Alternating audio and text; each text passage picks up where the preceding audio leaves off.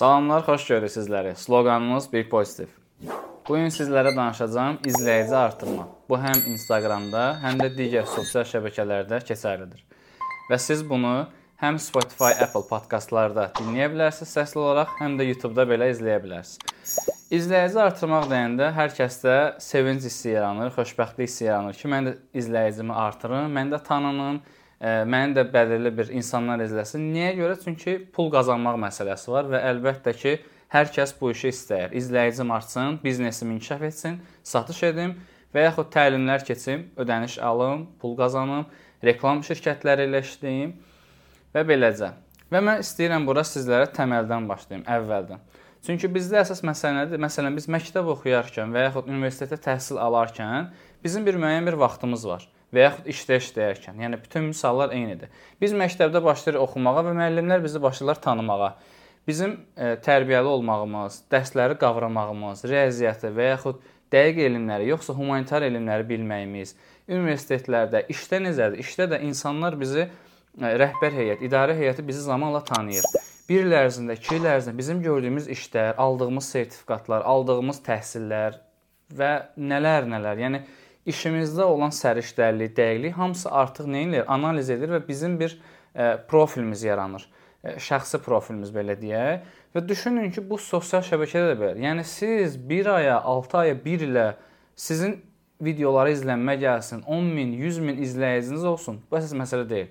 Çalışın bu nüanslara fikir verin. Çünki həqiqətən ə, universitetlərdə təlimlərdə oluruq və yaxud ə, şəxsi konsultasiyalar olur və ümumi təlimlər keçirik Və bizə gələn sual budur ki, müəllim, necə izləyicini qaldıraq? Hoca. Hoca necə izləyicini qaldıraq? Bu qlobal məsələdir. Niyə? Çünki insanlar fokuslanır ki, mən 10 min izləyicini tez qazanım. 10 min izləyici qazanandan sonra artıq bir rahatlıq gəlir, relax, hə, okeydə məncə 10 min izləyicim var. Bir rahatçılıq olur və artıq kontent hazırlamağa başlamır. Yəni mövzular hazırlanır. Yəni burada tək kontent məsələsi də deyil və sizin tez bir zamanda onu istəməyiniz qeyri-mümkündür. Siz əsas fokuslanmalısınız ki, siz nə iş görmək istəyirsiniz? Məsələn, mən fitness müəllimi olmaq istəyirəm və məsələn mənim sloqanım var, mənim bir tərzim var. İnsanlar məni belə tanısın. Məsələn, Ələmdar fitness müəllimi. Okay? Yəni insanlar artıq bilirlər ki, qarşılarındakı fitness müəllimi xarakteri necədir? Baş verən hadisələrə verəcək reaksiya necədir? Hansı təlimlərə qoşulur? Hansı konfranslara gedir? Hansı tədbirlərə gedir? Hansı restoranlara gedir? Nə yeyir, hansı qidalardan istifadə edir, zərərlidir yoxsa zərərsizdir? Yəni bunlar hamısı insanlar, yəni həmin o izləyicilərin beynində başlayır analiz olunmağa. Ona görə heç bir zaman izləyicilər haqqında, izləyici sayı, videoların izlənmə sayı haqqında düşünməyin. Və bilirəm bəzi Instagramda deyirlər ki, mənim videom yarım milyon izlənir, 1 milyon izlənir. Deyirəm, okeydir, yəni burada bir qəribə bir hal yoxdur. Niyə? Çünki trend mahnılardan istifadə olunur. Hal-hazırda trenddə olan hər hansı bir videodan istifadə olunur Və həmin video nə edir? İngilis dilində olduğu üçün bütün dünya bunu başa düşür. Yəni ingilis dili bilən şəxslər istəyir Asiya olsun, istəyir Avropa, istəyir Amerika tərəfdə olan ABŞ-dır, Kanadadır, yəni Meksikadır. İstənilən ölkədə bunu başa düşə biləcəklər. Ona görə də başa düşdükləri sizin həmin video yarım milyon, 1 milyon izlənir. Amma siz Azərbaycanla hər hansı bir videonu çəkib 100 e, min izlənmə yığırsınızsa, bu da normal deyil. Niyə? Çünki sizin müəyyən bir auditoriyanız var, hansı keyfiyyətli auditoriya.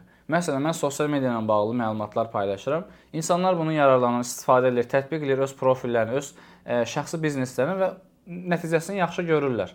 Amma yox, mən reytinq xatirinə hər hansı videolar çəksəm, okey, mənim izləyicim gəlib 100 min olacaq, amma o 100 min keyfiyyətli izləyicidirmi? Bu sualı vermək lazımdır. Yəni mən istəyirəmmi 100 min olum? Yəni burada o necə deyirlər, hədəfimizdən asılıdır. Yəni 100 min izləyici sizsə, okey, yəni istənilən profili 100 minləmək asandır. Amma bizim məqsədimiz izləyici artırmaq deyil, bizim məqsədimiz e, keyfiyyətli kontent hazırlayaraq insanlara keyfiyyət göstərməkdir. Yəni faydalı videolardır və yaxud bizim mövzuya uyğun, yəni bizim sahəyə uyğun mövzuları paylaşmaqdır ki, müəyyən bir auditoriya bizi tanıyır. Artıq bizim e, danışığımız, e, belə deyək, duruşumuz, oturuşumuz, hər şeyimiz bilinir və istifadə etdiyimiz qidalar da əlbəttə ki, yəni artıq bizim bir xarakterimiz olur. Yəni bizə TikToker demirlər, bizə deyirlər ki, okey, bu faydalı kontent hazırlayan bir şəxsdir. Və əlbəttə ki, e, tədbirlərə dəvət edəcəklər, sosial daha çox aktiv olmaq lazımdır ki, yəni insanlar tanısınlar ki, yəni bu şəxs kimdir.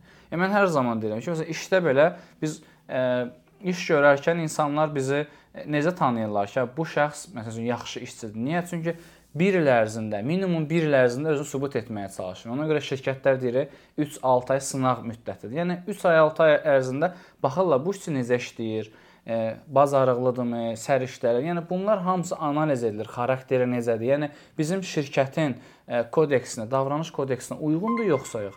Və bu sosial şəbəkədə belə. Yəni çünki çox müştəri yazır ki, biz tez izləyicini qaldıraq, nə bilim satışlar artsın falan. Yəni bu elə bir şey mümkün deyil. Yəni kimsə də deyirsə də bu əfsuslar olsun ki, mən heç vaxt xoşlanmıram yalan danışım, yalandan işlər görmək. Bu belə şey mövcud deyil. Okay, sizin səhifənin 10 min, 100 min izləyici artacaq, amma e, necə gəldi sahələrdən, fitness müəllimi, ingilis dili istənilən sahələr sizin səhifənizdə toplanacaq. Amma siz istəyirsiniz ki, sırf sizin sahə ilə maraqlanan şəxslər olsun.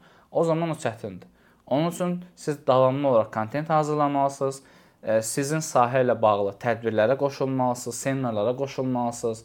Ödənişli, ödənişsiz təlimlər keçməlisiniz. Yəni bunun üçün də bir zaman lazımdır. Yəni ən azı 1-2 ildən sonra siz geri dönüb baxırsınız ki, "A, okey, mən deməli bu işləri görmüşəm və nəticəsi var." Və əlbəttə ki, izləyicinin əlaqədə olmalısınız, daim ünsiyyətdə olmalısınız, onlara geri dönüşlər etməlisiniz. Hə, mənim 10 min izləyicim var, vaxtım yoxdur, sonra cavab verirəm.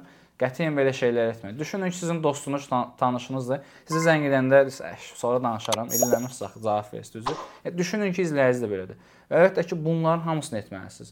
Kontentlərdir, rəylərdir, mesaj mesajlar gəlirsə, e, direktdə ora cavab verməkdir.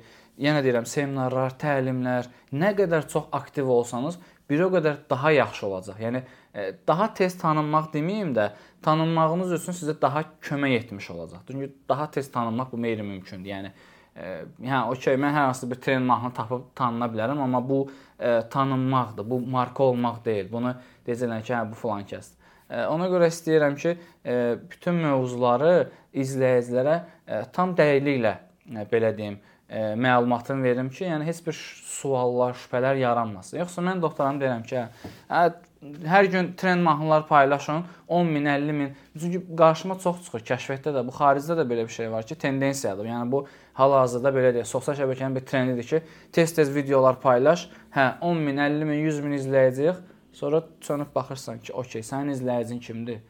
Pakistanlı, nə bilim, Avropadan, ABŞ-dan izləyici. Mən Azərbaycanla story paylaşanda onu başa düşməyəcək. Reelslərdən reklam çəkilişləri və yaxud şirkətlər üçün hər hansı reklam reels çəkəndə izlənməyəcək, aşağı olacaq. Niyə? Çünki o bizi başa düşmür.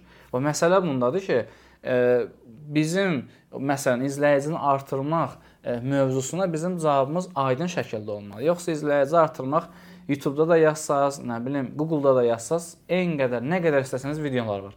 Amma onlar sizə fayda ötürürmü? Xeyr. Onlar nə deyir? Hə, trend mahnını tap tap tap tap çək, izləyicin oldu 100 min. Okay, bəs nəticə.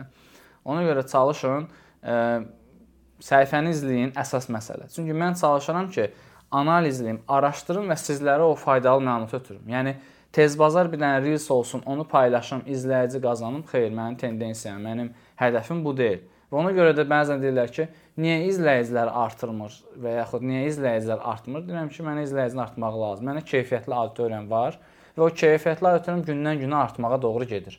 Yəni mənə lazım deyil ki, ayda 10 min izləyici, 5 min izləyici gəlsin. Mənə lazımdır ayda 5-10 izləyici gəlsin, amma bilirəm ki, keyfiyyət gəlir. Və izlədiyiniz üçün sizlərə təşəkkür edirəm. Ən əsası da dinləyənlər var hal-hazırda Spotify-da, Apple Podcast-da. Ona təşəkkür edirəm və ən əsası Çalışın belə mövzular qarşınıza çıxanda nəinki mənim videolarım, belə faydalı videolar paylaşan şəxslər çoxdur. Onlardan da biri Orxan Şahbazlı. E, və çalışın həmin videoları izləyin, dostlarınızla bölüşün ki, e, sonra deməyin ki, və yaxud bəzi şəxslər deməsinlər ki, faydalı kontent paylaşmayan TikTokerlər, insanlara zərərli içkiləri, qidaları reklam edən şəxslər öndədir. Yəni hər şey siz insanlardan asılıdır. Siz insanlar nəyi izləyirsinizsə, həmin videolar, həmin reelslər, həmin səhifələr öndə olacaq. Dinlədiyiniz üçün təşəkkür edirəm.